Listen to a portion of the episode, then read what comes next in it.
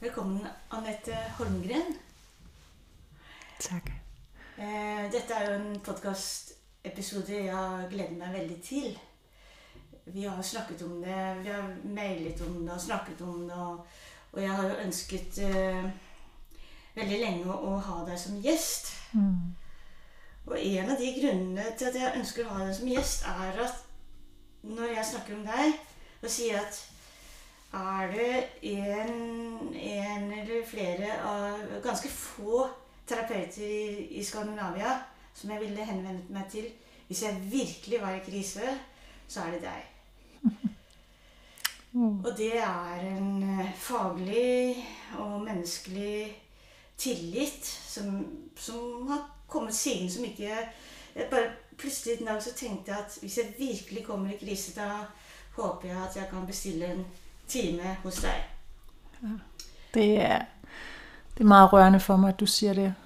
Fordi jeg ved, jeg ved virkelig godt, hvordan det er selv at være terapeut og tænke, hvem vil jeg have tillid til øh, og, og lægge mit liv i hænderne på, hvis jeg virkelig skulle komme i krise. Og øh, øh, ja, så det rører mig, det rører mig faktisk ret meget, at du siger det. Mm, tak. Og det kommer helt fra hjertet fordi jeg har tenkt det flere ganger. Og jeg har også tenkt det i forbindelse med mennesker jeg har møtt som virkelig lider. Så jeg tenkte at ok, dere, dere skulle fått en samtale med Anette. Um, Jeg tror også, undskyld, men når, jeg kan mærke, at når du siger det, så får jeg også med det samme stor taknemmelighed til de øh, teorier, som jeg læner mig op af. Øh, så jeg føler, jeg føler vældig meget, at, øh, at det, jeg står for, øh, handler om det, jeg, det, jeg er kommet til at tro på. mm, Øh, Mere måske, end det handler om den, jeg er. Øh, selvfølgelig en, en stærk relation til, til de øh, teoretiske og metodiske ståsteder. ja.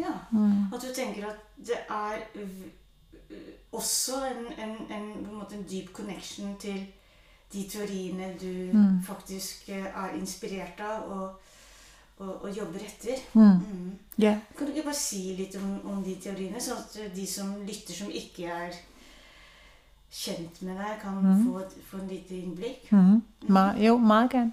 Så jeg er, øh, jeg er først og fremmest forankret i, øh, i narrativ tænkning, narrativ terapi, Mm. som er, øh, som er dybt forankret i kultur, psykologi, og øh, dels det at se vores liv som, øh, som fortællinger, at, øh, at den måde vi forstår, den måde vi skaber mening i livet på, i høj grad handler om de fortællinger, vi selv fortæller om livet, og jo måske endnu højere grad de fortællinger, vi er blevet fortalt om livet. Men at de fortællinger altid er forankret i en bestemt kultur, så vi bliver født ind i fortællinger om, hvordan piger er og opfører sig, hvordan drenge er og opfører sig, hvad det vil sige at gå i skole, hvad det vil sige at have kærester, hvad det vil sige at være ung, hvad det vil sige at være familie, øhm, hvad det vil sige at være gammel, øh, har vi jo hele tiden forudbestemte fortællinger, som vi, øh, som vi relaterer os til, øh, men, som så, men som også forandrer sig, øh, mens at kulturen forandrer sig. Og det er hele det samspil, at vi på den ene side er, er påvirket af de fortællinger, der ligger, men faktisk også har mulighed for at påvirke kulturen. Så det er jo ikke, man er jo ikke offer for en kultur, men man er formet af en kultur, eller produceret af en kultur, som øh, filosofen Foucault ville sige det. Og, øh, og jeg tror, at en, at en psykologi, der ikke, øh, der ikke tager højde for kulturen, øh, bliver meget let en øh, outdated psykologi. Mm. Mm. Hvis vi skulle gjøre dette veldig nært og Mm. personlig, da. La oss si at jeg ehm, Ja, vi kan godt snakke om et eksempel fra i sted. eh, hvor jeg snakker om at jeg skal kanskje gi ut en roman. Og at jeg sier at jeg eh, eh, er Jeg kjenner meg liksom usikker på mottagelsen, og jeg kjenner at jeg er stresset for den, og jeg kjenner at jeg har et slags sånn imposter-syndrom. Altså at jeg er redd for at folk skal tro at jeg kan mer enn, det, enn det jeg kan. At jeg, blir, jeg er redd for å bli avslørt. Og da sa jo du til meg noe som traff meg veldig sterkt. Det er jo skam. Hvordan tenker du at det er kulturelt relatert? Ja, godt spørgsmål. Øhm, først har jeg lyst til at sige, at, øh, at det er måske lidt uvanligt for mig at sige, det er jo skam. Øh, al, almindeligvis vil jeg almindeligvis vil jeg nok stille et spørgsmål og spørge den anden, om det føles som skam, men det handler måske om vores relation, at jeg ikke føler, du er jo ikke, vi er jo ikke klient hos hinanden, vi er måske en slags veninder, eller faglige veninder. Mm. Øhm, så det gør også, at jeg, jeg føler, at jeg kunne tillade mig til at, at sige, måske er det skam. Øhm, og så i høj grad, fordi jeg selv kender følelsen mm. af, at, at det jeg gør, eller har gjort, kan føles større end den jeg er, mm. end den jeg selv føler mig som. Mm. Og, øhm, og jeg tror, at kulturen kommer ind øh, her ved at bilde os ind, at, øh, at vi måske skal have større selvfølelse, end vi har. Mm. Og bilde os ind, at andre mennesker har større selvfølelse. Øhm, så måske er vi mange mennesker, der går rundt og udad til viser en, en sikkerhed, eller en tryghed, eller en selvfølgelighed mm. i øh, måden, vi præsenterer os selv på, som måske ikke altid stemmer overens med den indre følelse. Så det er, jo den, det er jo på den ene side kulturen i os. Og så er der jo selvfølgelig på den anden side også vores øh, personlige erfaringer, mm.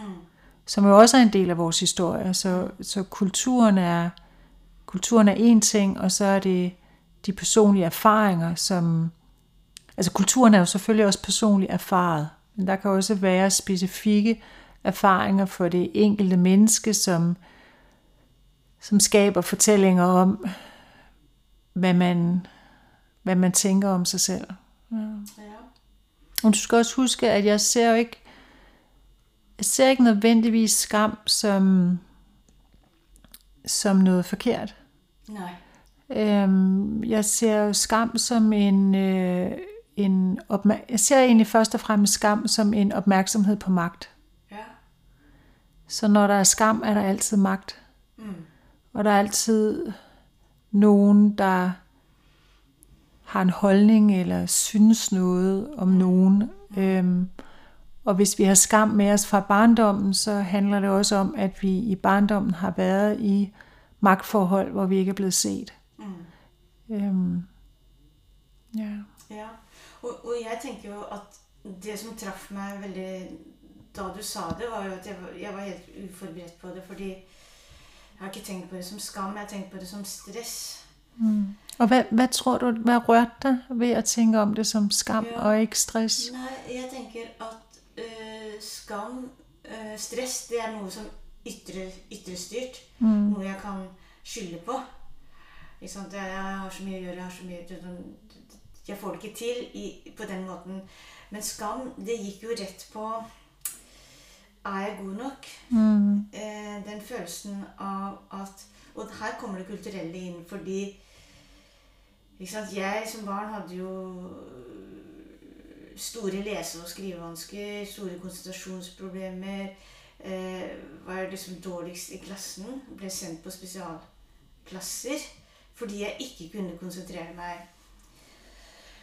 Og når jeg da liksom plutselig blir liksom så tøff i trynet og sier nå skal jeg, nå skal jeg lansere en roman på rekordtid, så slår jo skammen inn. Nå blir du avslørt. Og det, eh, det tror jeg handler om både personlig erfaring eh, fra barndommen, men det handler også om at de kriteriene i kulturen for hva som er godt og dårlig, er uklare. Mm. Jeg aner ikke hvordan mm. mottakelse Og det er fordi vi har en kulturell eh, på en måte underholdningsverdien. Liksom forlagene, hva er det de gir ut? De store Mm. forlagene Mm. de gir jo ut romaner som selger Mm. på, på f.eks. på øh, krim, som er den største sjangeren, kanskje. Ja. Mm, det er det. Altså, og det er, det, altså, det er jo det, der kan være, kan være vanskeligt, men også helt utrolig vigtigt, at, at jeg, jeg tror, jeg spurgte dig, så hvorfor gør du det? Altså, så det, og, og, og så, så spørge sig selv, hvad er det, du tror på, siden du gør det?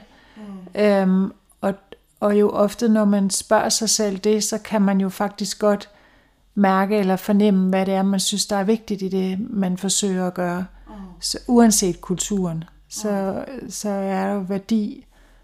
Altså, du kunne jo svare mig straks på det spørgsmål, hvorfor du synes, at den, Mm. at, at den bog er vigtig. Mm. Hvad jeg også synes, den er. Ja. Mm. Men tilbake til det Ja. hvor du sier at du tenker at eh, du lener deg også til teori. Mm. Eh, det med na- det narrativet som jeg tenker eh, gir veldig gjenklang for, for alle sammen, egentlig, i vår tid. Men er det noe ved deg som gjør at allikevel eh, Hvis du skulle tenke fra meg, da. Som gjør at jeg tenker at du er en av de få jeg kunne betrodd min, mitt traume eller min krise. Hva, hva tenker du utover at du har en, en teori, eller er det teoretisk tilnærming, tror du? Mm. Ja. Øhm. Jeg kan se, at det der, det, der er sket for mig over de sidste årene, er en, en stærkere og stærkere følelse af det, jeg tror, nogen i dag vil kalde integritet. Øhm, hedder det integritet på norsk? Helt sikker på Øh, integritet, øhm, øh, hvad hedder det? Hvad, pokker, hvad kan det hedde? Øh, integrity. Insecurity? In, Integrity? ja, Å, integritet? ja, Ah, ja, ok. Ja, Ja. det har vi på norsk. Ja. ja, ja, det findes også her. det er dejligt. Integritet. Ja, Ja. som, som er som er kommet med en, en bedre og bedre fornemmelse af min egen øh, indre resonans. Og resonans er jo et øh, begreb fra, kommer vel fra musikken, går ud fra, at noget med svingninger. Og det med at i højere og højere grad at, at tillade mig selv øh, kropsligt og fornemmelsesmæssigt at svinge med livet, mere end jeg, end jeg prøver intellektuelt at forstå og forklare. Faktisk har jeg lagt øh, de fleste af mine forklaringer væk. Og, øh, og jeg tror, at, den, at det med at være sammen med et andet menneske, hvor man ikke bliver forklaret, at det er behageligt. Og det er også meget behageligt ikke selv at øh, søge forklaringer. Ja, og jeg vil gjerne gå litt videre på det. Men nå skal jeg spørre det spørsmålet, for det kan lede oss videre. Hva har du gjort i dag? Du er jo her i Norge. Du bor jo eh, vanligvis i Danmark, Snekkersten, Mm. Disbruk. Hva har du gjort i dag? Hva er det som gjør at du er her Ja. nå? Ja, og det er faktisk det er utrolig dejligt at være her, øh, her i dit hjem, Anne, som øh, jeg jo ikke har været før. Og grunden til, at jeg er her, er fordi, at jeg i øh, morges holdt et øh, oplæg på en, en stor konference i, øh, i Sydnorge omkring børn og rus. Mm. Sandefjord. Ja, Sandefjord, som er sådan en, en årlig konference, hvor jeg talte om traumer og skam Mm. og øh, betydningen for at kunne i arbejdet med rus Mm. øh, invitere samtaler om tram, skam og, og traume ind i, ind i det arbejde. Og, overskriften eller titlen på foredraget var Kan man ruse, kan man ruse sig væk fra skam? Ok, og hvad svarer du? Øh, måske. Nej, problemet, man kan sige, jeg tror, at rus, øh, rus kan jo både være en modmagt til skam, på den måde en respons til skam, Ja. øh, ligesom rus kan være en effekt af skam. Øhm, men, og jeg tror da godt, at man, man kan jo godt i en periode øh, ruse sig bort fra skam, men det er vanskeligt i vores kultur at opnå stolthed via rus. Øh, fordi vi ikke har en kultur, der, der ser rus som noget at være stolt af. Vi har jo en, mere en kultur, der ser kontrol og, og den slags som noget at være stolt af. Og, og, og derfor så, øh, og man kan også sige, de fleste, hvis du ruser dig på en måde, så du ikke kan tage vare på det, der er din opgave i livet, dine børn, og så er det også måske vanskeligt at, at, øh, at finde stolthed der. Så jeg tror, at, at rusens problem er, at den kan, den kan give dig en pause, men den vil også ofte jo skabe mere skam. Øhm, ja. Ja. Ja, For det, nu kommer vi ind på netop kulturens mm. diskusser om rus. Mm. For eksempel kontra kulturens diskusser om religion. Mm. Ikke sant? Fordi jeg er veldig opptatt av at jeg, jeg- vil ikke idealisere rus eller noe sånt, men jeg vil heller ikke idealisere alle andre former for distraksjoner knyttet til traume. Og at, at jeg, jeg blir av og til veldig indignert over at rus får et sånn moralsk eh, eh, på en måte eh, omdømme, da. Mm.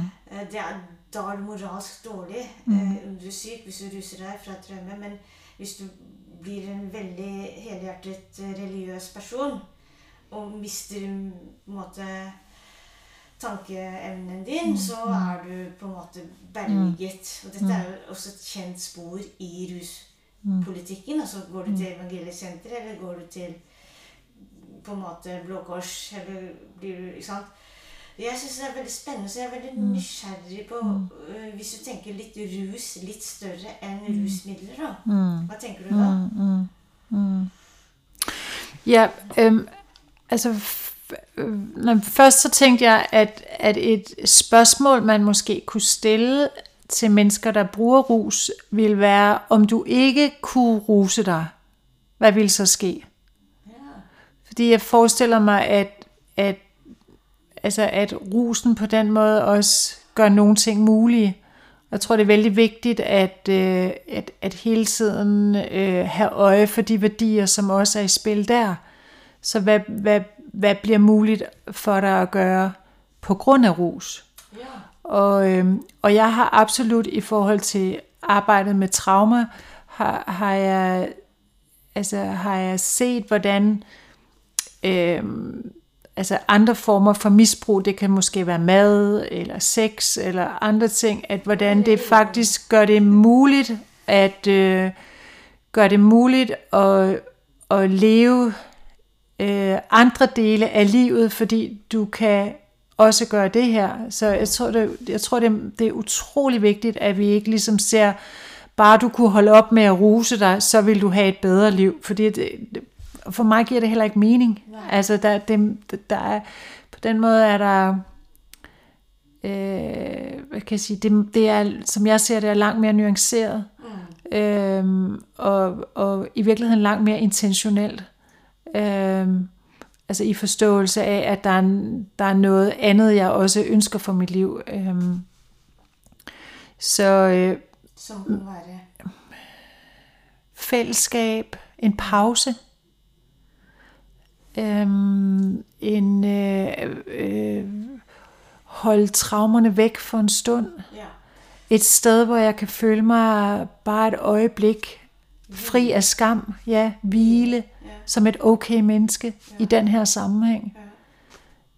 Jeg, jeg læste engang en, en artikkel om rus som eksistensielt slankemiddel.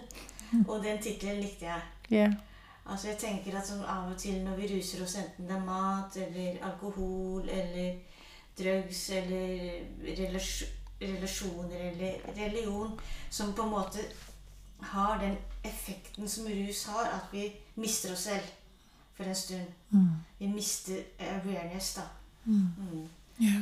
Og at, at på en eller annen måte så, så er det forståelig hvis du lever med et traume, eller hvis du lever i en kultur som går med et ekstremt eh, fokus, selvopplyst ego Hvem er du, hvem er jeg, hva føler jeg? ikke sant? Alt dette. At du trenger et eksistensielt slankemiddel. da. Mm. Jeg, jeg, jeg syns det var en veldig befriende tittel. Ja, fantastisk. Ja. Og, og jeg tror, det er, det er utrolig vigtigt, at vi altid har, altså har fokus på de her andre perspektiver.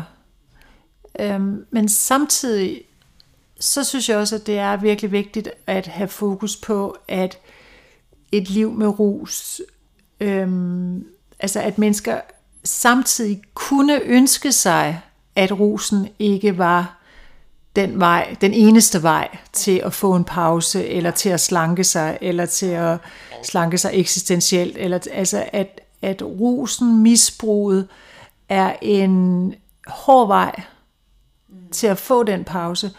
Øh, og, og her kommer trauma jo ind i billedet. Mm. Øhm, så, så, så at vi, øhm, hvad kan jeg sige, altid, altså, jeg har virkelig et, et ønske om at gøre det muligt for mennesker at få, altså få mulighed for at se på deres liv og se på deres historier og forstå, hvordan at, at fortidens smerte kan blive til nutidens smerte. Og, øh, og ja, jo i sidste ende øh, få lejlighed til at få nogle måder til at kunne holde det ud, eller være med det, eller fagne det, eller have omsorg for det, eller hvad vi skal sige, øhm, øh, uden at øh, behøve at leve et liv, der kan være farligt, eller, eller øh, ikke det, som man egentlig foretrækker. For det er jo rusens på en måte bakside. Det er jo risikoen. Ja, Så rus på, på en eller annen måte som, som, som står i en sånn sterk kontrast og, og kamp med livet. da. ja. Det er jo liksom rus, liv, død. Ja. Ja, altså jeg, jeg har jo et meget pragmatisk på en måde forhold til de her ting, fordi jeg tænker, hvis, hvis det du gør, eller altså hvis det du gør, eller det du har oplevet, ikke forhindrer dig i at leve det liv, du gerne vil leve, mm. så er alt jo fint. Vi kan jo leve på alle måder, mm. men, men, hvis, men hvis det du har oplevet, traumerne i dit liv, og det du gør, forhindrer dig i at leve det liv, du gerne vil leve, så, så tror jeg, at så er vi jo forpligtet på en eller anden måde til at tage os af det. Ja. Øhm, og, og, og selvom at jeg egentlig er åben for, om folk ruser sig, eller hvordan de lever, så hvis du har børn, er du også forpligtet over for dem. Ja. Og der er jo nogle ting, som kan være vanskeligt for børn at tåle. Mm. Og, øhm, og noget af det er jo med den der sådan usikker kontakt. Mm. Øhm, Hvordan ble vi kjent, Anette? Husker du det?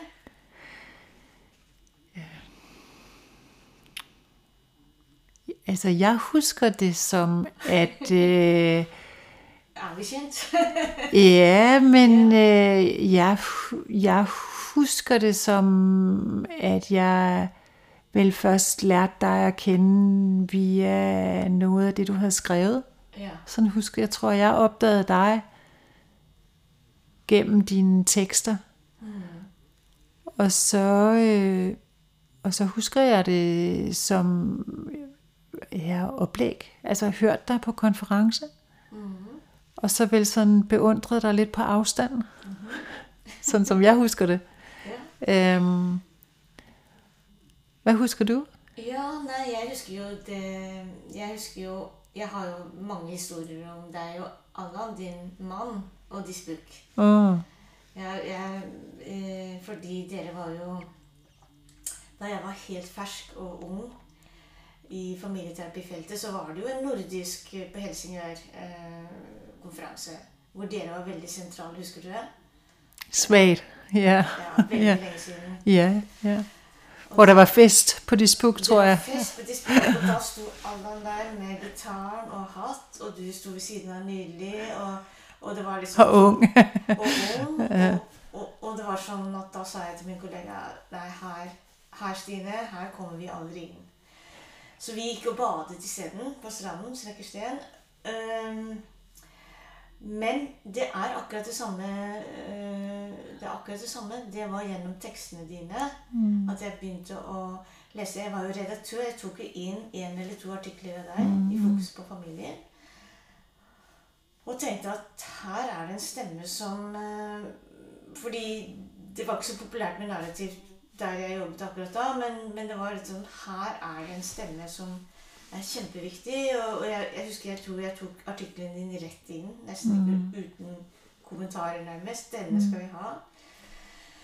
Eh, så det er nok det som er for meg. Og så er det den opplevelsen da av at vi inviterte deg. Eh, vi syntes vi var veldig heldige å få deg til eh, klassen vår. Det husker jeg veldig godt, den klassen. For det var også en klasse som vi fikk Beate Grimsrud til. Den svenske forfatteren. Og det var deg. Altså vi fikk Det var et år hvor vi kunne Jeg vet ikke om noen som passet på oss, men vi bare bestemte fritt hvem vi ville ha. Det var ikke noen sånn studieplan som styrte oss. Og etter det så ble jeg veldig opptatt av, av det du holdt på med, og, og fikk anledning etter hvert til å lese din bok. Traumers, eh, komplekse traumers psykologi. Og vi hadde en samtale på Litteraturhuset om denne boken. Den husker jeg tydeligt. Ja. Og noe av det jeg husker fra det, da, for å ta opp igjen det med, med hvor du skal nå få lov til å snakke litt mer om komplekse traumer, men, men noe av det jeg tenkte, og igjen, altså dette er en anerkjennelse til deg, eller sånn, det var jo at jeg tenkte at denne boken må alle ha, for det er førstehjelp. For traumer kommer vi på en eller annen måte ikke unna. På, på forskjellige måter. Men jeg tenkte dette Jeg tror jeg sa det også. Dette, dette er eh, i, i, i sånn type førstehjelp. Altså denne type kunnskap som du har skrevet om i denne boken, det er for meg sånn Dette må vi alle vite noe om. Og hvis vi kan begynne litt da med hva gjorde at du begynte å skrive den boken? Ja. Øhm, jeg må bare sige, altså, ja, igen tak fordi du siger det, og igen føler jeg, at, øh, at, jeg, at min bog er en formidling af teori, som har rørt mig. Så, så jeg er, jeg tænker hele tiden om, om mine tekster som tekster, der læner sig op af god teori, bevægende teori. Og jeg tror, at måske den ene ting, jeg altid har tilladt mig i mit arbejde, det er at forfølge teori, jeg selv har kunne mærke, og ikke forfølge teori, jeg ikke har kunne mærke. Og når du sier merke, hva, hva tenker du på det? At jeg, når jeg læser teorien, får billeder fra mit eget liv, billeder fra andre menneskers liv. Jeg kan, jeg kan se teorien i praksis. For mig at se, skal en teori være levende. Øhm, især psykologisk teori. Øh, fordi, Fornemmelser i fys, nesten somatiske, fysiske Ikke nødvendigvis fysisk. Jeg behøver ikke at- fysisk kunne mærke den, men jeg skal forestille mig den. den skal, teori skal give mig associationer. Den skal, den skal danne billeder i mit hoved. Øh, Jeg skal få lyst til at tale med mine klienter om det. Jeg skal få lyst til at gå tilbage og sige, denne her forfatter siger sådan her. Hvad tænker du om det? Kan du genkende det? Giver det mening? Jeg har faktisk, øh, alle mine teorier har jeg fået verificeret i min kliniske praksis. Jeg spørger altid, jeg taler med mine klienter om teori. Jeg, jeg mener, at teori er jo for os alle sammen. Teori er jo ikke bare for professionelle.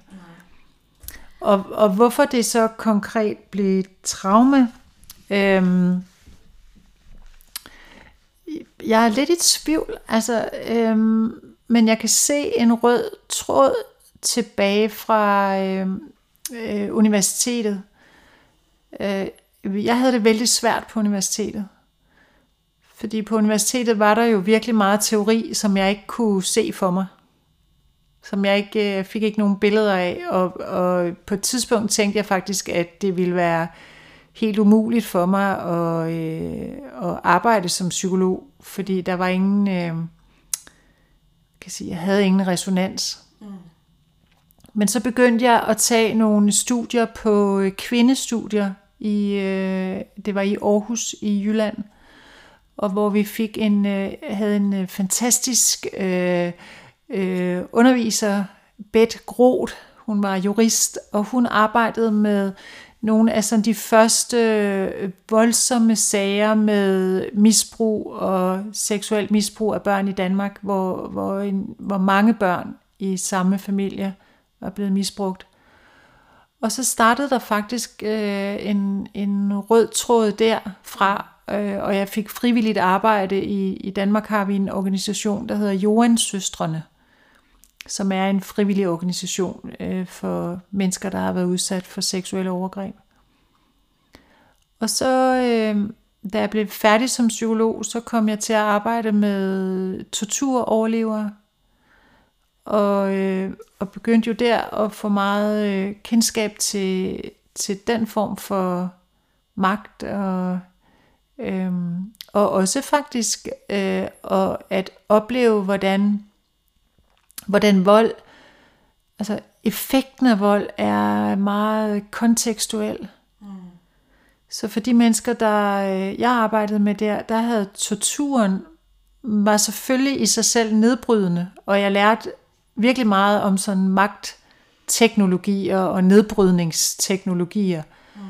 Men faktisk øh, var torturen jo meningsfuld, fordi de var øh, frihedskæmpere. Så for de mennesker, der var det at komme til Danmark, og så opleve ikke at blive taget imod som frihedskæmpere, mm. det var mere nedbrydende for deres øh, sind. Ja. For de tænkte jo, at de havde kæmpet for vestlige værdier. Mm. Og så kom de til Vesten, og blev modtaget som flygtninge og ikke som helte. Ja, som ofre. Som ofre faktisk, ja. lige præcis. Ja. ja. Og så, øhm, så vil jeg sige, at, øh, at der skete det, at jeg på et tidspunkt blev, fik, ja, på et tidspunkt begyndte jeg at arbejde næsten udelukkende med voksne, som har været udsat for seksuel, øh, seksuel vold i deres barndom på grund af en, øh, det var sådan en ordning, der var lavet i Danmark, hvor man kunne få terapi. Og, øh, og det var nok det, som, som i høj grad startede min interesse for at øh, undersøge nærmere. Mm. Øh, både øh, hvordan man overlever, hvordan kan man, altså hvordan kan man overleve noget, som man aldrig kan give mening.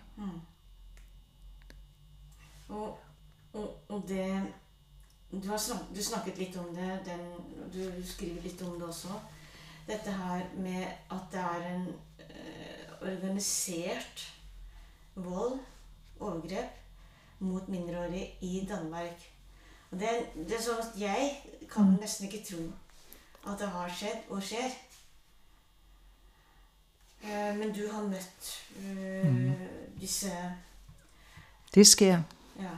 Det sker også her. Mm. Mm. Og, og hva, hva, hva skjer i de møtene? Hva er det du på en måte hva er det du, Kan du fortelle litt om noen av de møtene med de kvinnene? Ja. Øhm, det, der, det, der er vigtigt Vi talte lidt om det tidligere, du og jeg, at det, der, det, der er blandt andet er vigtigt, det er, at vi i behandlersystemet ikke bliver voyeur. At man ikke, at man ikke går i gang med at interviewe eller undersøge for at få viden om øh, børneporno, kultur for eksempel. Mm. Man skal ikke være journalist. Du skal ikke være journalist. Mm. Du skal ikke være voyeur. Du skal ikke være øh, nyhedsundersøger. Mm. Øhm, så så det, var, det, var, det er i hvert fald vigtigt at, øh, at ikke gå den vej. Men samtidig skal du øh, gå med personen ind i personens erindringer. Mm. Ture det. Og ture stå der sammen med personen. Fordi det er, det, at, at jo, jo, tættere du kan, jo tættere du kan komme ind hen til erindringen om, hvad skete der i den situation, og hvordan, og hvordan blev volden øh, udført. Mm. Altså jeg har været meget interesseret i sådan magtteknologier, altså hvordan gør volds, hvordan gør volden, hvordan, hvordan ser volden ud, mm. hvordan får man magt over et andet menneske, hvad er det for hvad er det for et sprog, man bruger? Hvad er det for nogle handlinger, man bruger? Og, øhm, og, og grund til, det er så vigtigt at komme tæt på, det er jo for at afsløre volden. Ja. Øhm, og det andet, der sker, når du kommer helt tæt på, det er, at du kan spørge, og hvad gjorde du så? Ja. Og når man spørger det, hvad gjorde du så? Så fortæller folk altid om modmagt. Og det kan godt være, at de ikke kunne gøre noget fysisk, men så kunne de gøre noget ind i deres hoved, Mentalt. mentalt. Mm. Øh, Jeg talte blandt andet med en kvinde, som når hun blev slået og tæsket, så inde i hovedet, der kaldte hun sin voldsmand helt forfærdelige skældsord. Så hun hånede ham inde i sit hoved. Mm. Ja. Det var jo modmagt, det var jo stærk modmagt. Mm. Og det var jo at kunne holde fast i sin egen virkelighed. Mm.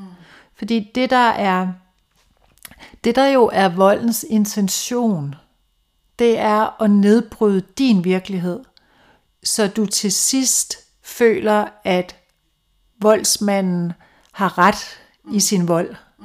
At du er så skidt et menneske, så du har fortjent volden. Det er jo voldens intention. For, for når du er der, så har du jo 100% kontrol. Mm. Ja. Men, men ved at spørge til modmagt, hvad gjorde du? Så sker der også det, at vi får yderligere afsløret magten, fordi når der så er modmagt, så er magten jo nødt til at trumfe den. Altså komme endnu mere tilbage. Så jeg kan sige, hvad gjorde du, og hvad gjorde han så? Mm. Og så kan vi begynde at tale om, hvorfor gjorde han det? Hvad handler det om? Hvad var han ude på? Og noget af det, der jo, som mange siger jo, blandt andet, altså blandt andet jo med, med seksuelle overgreb, som bliver sagt igen og igen i dag, men som måske er svært for mange at forstå, det er, at det handler om magt. Mm. Det handler ikke om sex. Det handler ikke om drift. Det handler ikke om det. Nej. Og det, der, muligvis er der drift, men, det er jo, men vi skulle have, have et andet ord. Altså, der, jeg synes, det er et kæmpestort problem, at, at vi har det samme ord, sex, mm. for kærlig, for, altså for kærlig sex, altså intimitet, mm. og voldelig sex. At vi, vi burde, vi burde det, det er så forvirrende, mm. at vi ikke har øh, øh, forskellige ord for den sex, der er øh, der handler om magt, Mm. og den sex, der handler om relation. Mm. Jeg har jo hørt dig for, fortælle, hvad et traume er. Jeg, jeg, jeg, tænker, jeg synes det er veldig fint, men du kan gjenta det. Mm. Mm. Ja. H- Hvordan tænker du om, hvad er traume? Ja. For det er en traumeforståelse på mange måder, sådan som jeg Mm. hører det. Ja, jamen det vil jeg gerne. Ja. Øhm, så da jeg begyndte at beskæftige mig med traume, så talte jeg jo ind i en tradition, der så traume som øh, meget, øh, meget al, hvad kan vi kalde, store, måske kan vi kalde det store hændelser. Øhm, så, så vold, overgreb, øh, alvorlige ulykker, altså nogle af de hændelser, som, som de færreste udsættes for. Mm. Det var sådan det, der blev, altså så traumet blev, blev lige med det, der var sket. Og, øh, og den teori, som jeg, øh, som jeg blev optaget af, øh, ser, ser traume ikke lige med det, der er sket, men i højere grad lige med effekten af det, der er sket. Så traumet er ikke hændelsen i sig selv. Så der er jo masser, findes jo masser af, af, af vanskelige hændelser, svære ting i livet, som aldrig bliver traumatiske. Hmm. Men som vi takler, og som vi finder ud af sammen. Mm.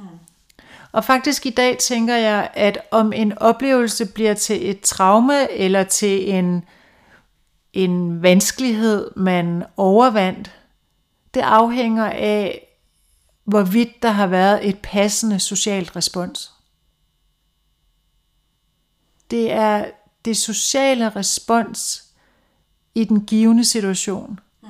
der afgør, om en hændelse bliver til et traume eller ikke traume. Mm. Det synes jeg er en veldig, veldig, veldig, veldig vesentlig eh, nuance her.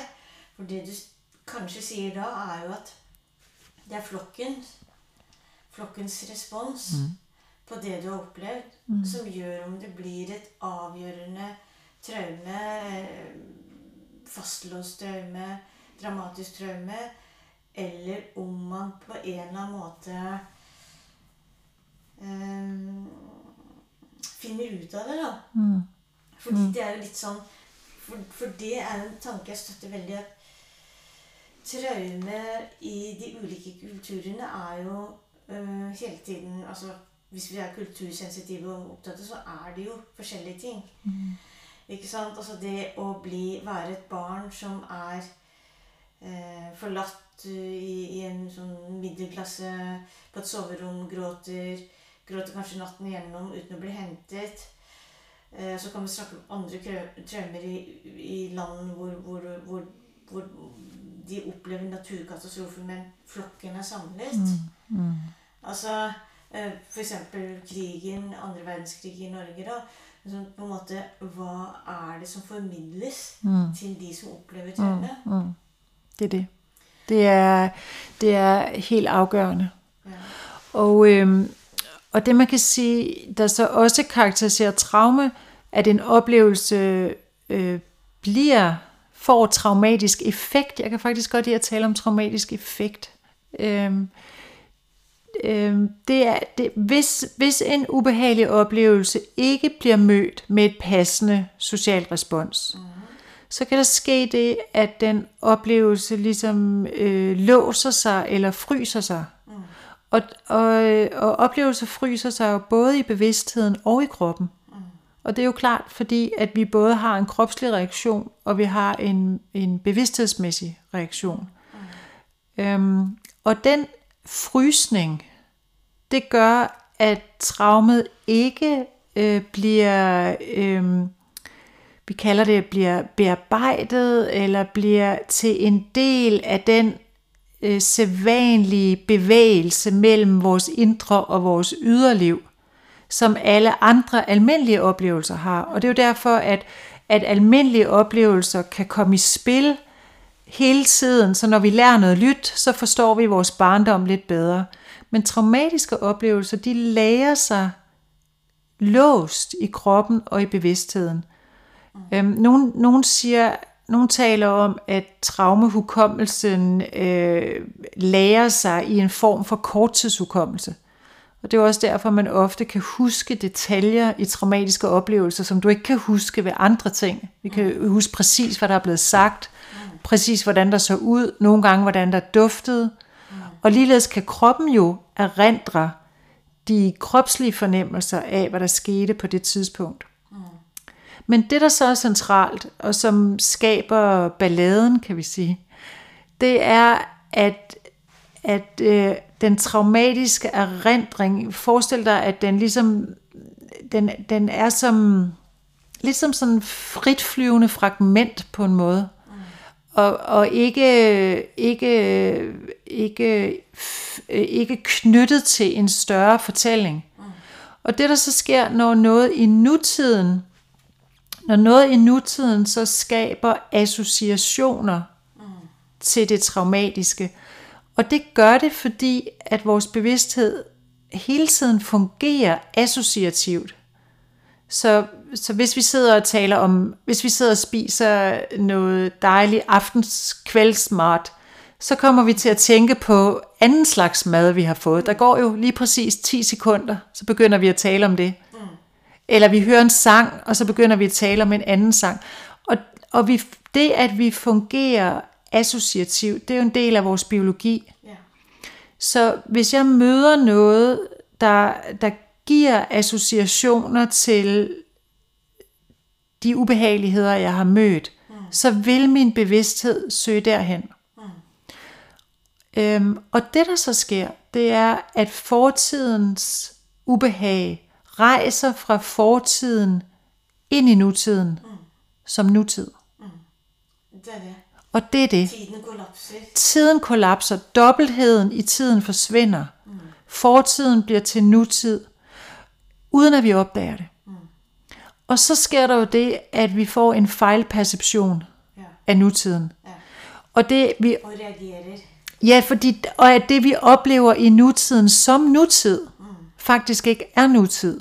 Men vi ser ikke at det er fortid. Og det er jo derfor at at den følelse man har i nutiden handler om nutiden, så hvis en person hvis en person taler vredt til mig eller hvis en person hvis en øhm, hvad kan jeg sige, min, min sådan, en af mine sådan sårbarheder er fornemmelsen af, om, om mennesker har lyst til at være sammen med mig.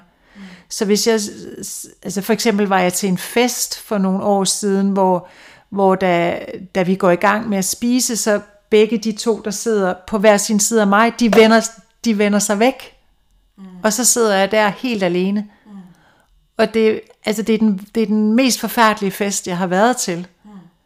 Øhm, og mit ubehag var jo klart øh, forstærket af en, en gammel følelse, jeg har af øh, ikke at være velkommen. Mm.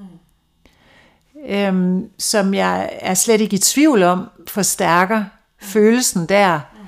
og gør det umuligt for mig at handle. Yeah. Hvor andre ikke vil have samme følelse. Nogen vil måske, men, men i situationen opdager jeg det ikke. I situationen mærker jeg bare ubehaget. Ja. Og det er jo også det, der gør, at, at det, der, det, der måske er lidt øh, særligt i min forståelse, er, at jeg taler om traume som blå mærker eller dybe huller. Mm. Og, øh, og et blåt mærke, vi kan også kalde det for et hverdagstraume. Så, så vi skal ikke, jeg, jeg mener ikke, at vi skal se traume som, vi skal ikke måle traumet ud fra hændelsen, Nej. vi skal måle, traumet ud fra effekten. Og det er også derfor, at når ryst, øh, hvad hedder det, man kan også sige, at traume er en nutidig rystelse af en fortidig rystelse. Ja, ja. Øhm, og vi har dem alle sammen. Ja. Ingen, ingen okay. går igennem livet uden blå mærker. Walter Benjamin sier jo minne, ikke sant. Det er et uh, lynglimt i et kritisk øyeblikk. Mm. Ikke sant. Altså Jeg har jo f.eks. et eksempel på dette her, for jeg driver og skriver litt uh, for min egen del. Og jeg husker da jeg var um, seks år, så kom jeg til skoletannlegen første gang. Og da er det en koreansk mann. Og min reaksjon er jo da at jeg løper ut. Og både mor og tannlegeassistent må løpe etter meg. Jeg sitter i stolen, sparker, skriker, roper. Jeg biter tannlegen i hånden. Eh, jeg vet ikke hva som utløser det, men det var utseendet hans. Ja. Jeg hadde, liksom, vanligvis som du tenker at det går bra å gå til tannlegen, men det var første gang etter at jeg kom til Norge, at jeg så en koreansk mann. Ja. Mm. Så det var Altså, jeg kjempet for livet av en eller annen grunn. Jeg vet ikke hva som var traume, men jeg vet hva som var traumets virkning. Og, yeah. og jeg vet hva som var uh, traumets beskjed. Var at skjerp deg. Ikke sant? Yeah. Hva er det med deg? Yeah. Jeg har lyst til at du skal fortelle litt om noen av de du har møtt. Mm. uh, og, og, og, på en måte veve inn teorien Eh, dette med maktens på en måte strategier, mekanikk, kaller det. Eh, og motmakt. Mm. Eh, og, og dette her eh, som, som jo er noe av det viktigste budskapet du har gitt meg, det er at alle kan tale om traumer, og alle Mm. kan, og, og, og, det er noe vi må gjøre for å eh, ta kraften av det farlige Mm.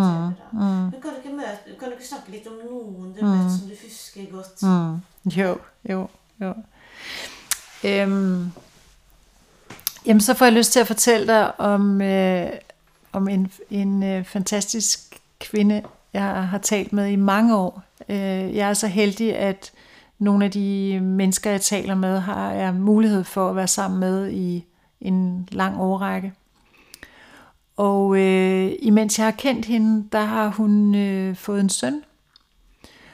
Og, øh, og øh, en dag, da vi taler sammen, så opdager jeg, at øh, den måde, de spiser kveldsmad på, er ret tilfældigt. Så, øh, så nogle gange spiser de i stuen, og nogle gange spiser de i sofaen, og, og hun er ikke så, hun, og så siger hun så, jamen øh, hun var ikke, øh, det betød ikke så meget for hende, måltidet. Og så øh, begynder jeg at spørge hende til, jamen hvad er, hvad er dine erfaringer med kveldsmad? Og så sagde hun, helt forfærdelige. Og så siger jeg, hvordan foregik det? Og, øh, og på det tidspunkt, der vidste jeg godt, at mange jeg talte med, havde virkelig dårlige erfaringer med kveldsmad. Siger man kveldsmad? Ja. ja aftensmad, ja. Og øh, det forstår jeg faktisk godt, fordi hvis du tænker om, øh, om nogle af, af de familier som et form for familieregime, hvor der er en øh, diktator, så hvornår er diktatoren bange? Det er diktatoren jo først og fremmest, når folket bliver samlet. Du er bange for folket, fordi at hvis hele folket går imod dig, så vil de kunne vælte dig. Så, så en diktator har meget større magt, hvis du kan, hvis du ligesom kan gå efter øh, undersåtterne en efter en. Så som forældre, hvis du vil have magten i familien, så kan du jo, altså jo mere du kan ligesom have dem for, for sig, så kan du holde magten i hele familien. Men, men fordi vi har en tradition for at sidde sammen ved kveldsmad, så er flokken jo lige pludselig samlet.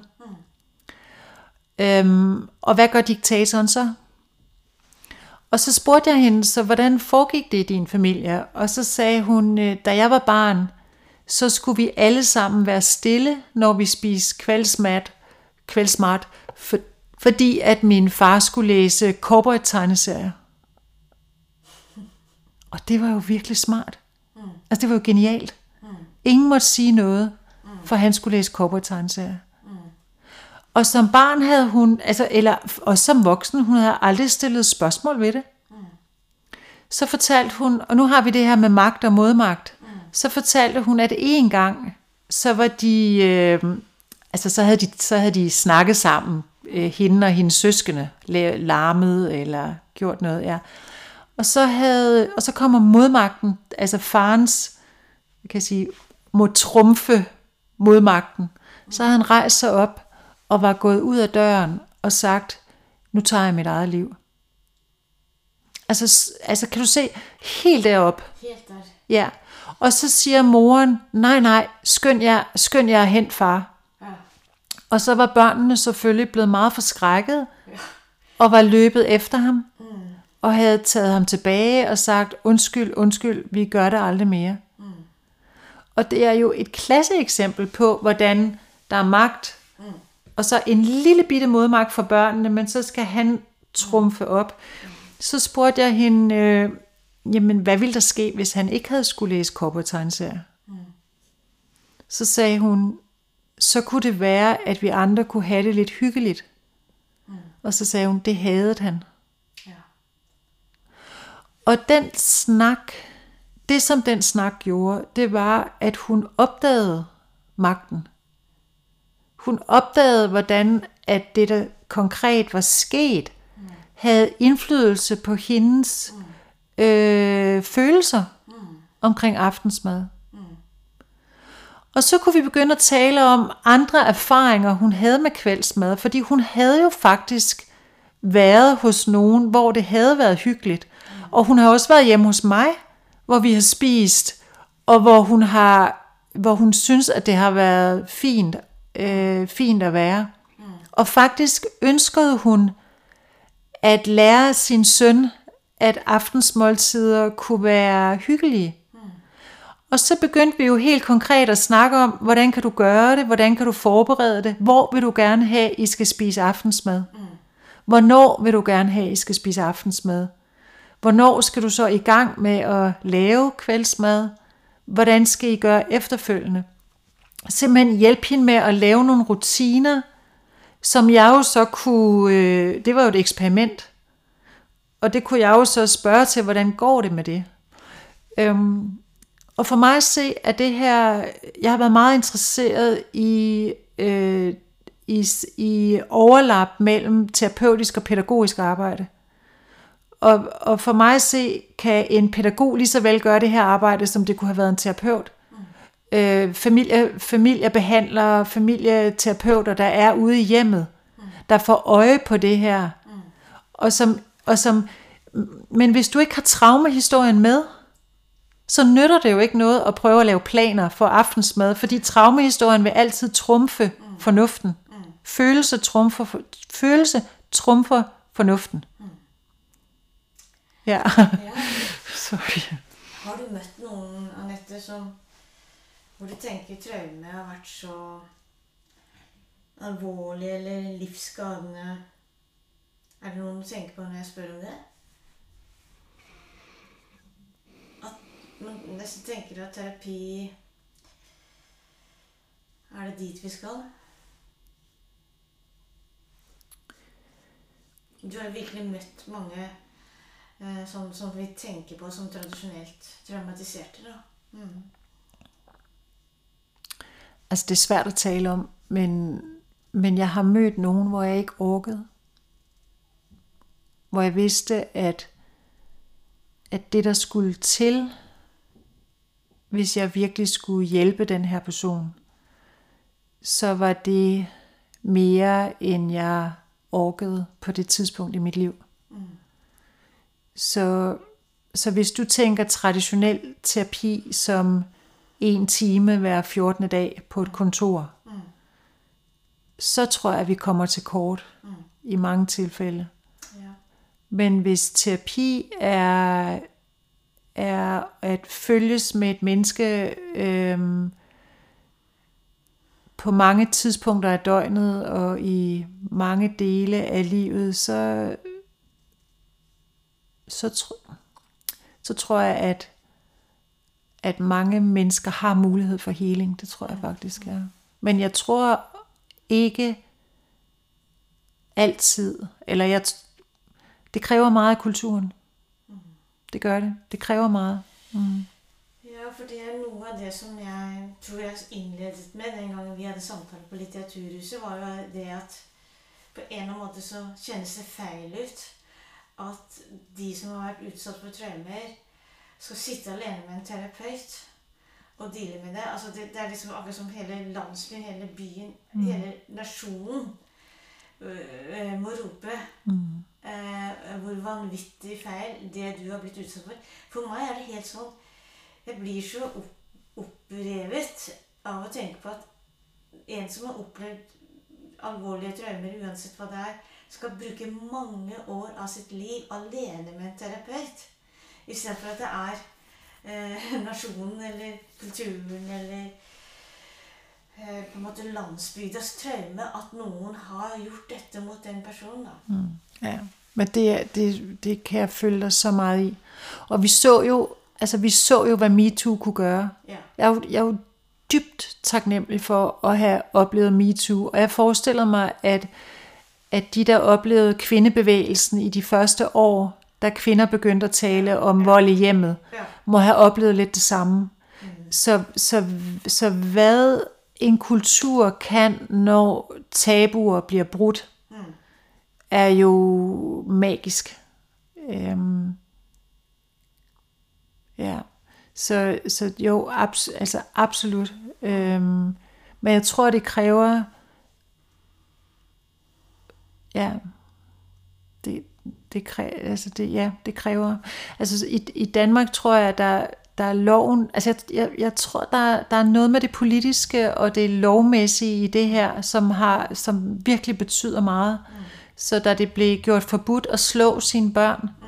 så blev der jo også der et kæmpe tabu mm. brudt. Øhm, ja. ja. At noe av det som jeg jeg tenker Jeg lærte av din artikkel og av din bok Altså din artikkel 'Alle kan tale om traumer', som jo er pensum for våre familieterapistudenter. Og boken din 'Komplekse traumepsykologi' det er jo noe med at Kanskje noe av det verste vi kan gjøre, uansett hvem vi møter, og uansett våre egne traumer for den saks skyld, er å vike unna. For da er vi med på å retraumatisere mm, og tabuisere mm. opplevelsen som skamfull.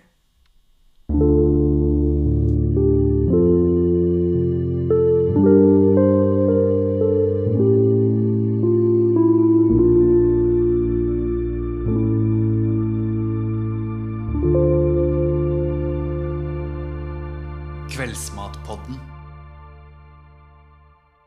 Takk for at du hørte på Kveldsmatpodden. Den er laget av Anne Øfsti Musikk av Torjus Hepsø Gullvåg. Følg oss gjerne på Facebook og Instagram, hashtag Kveldsmatpodden.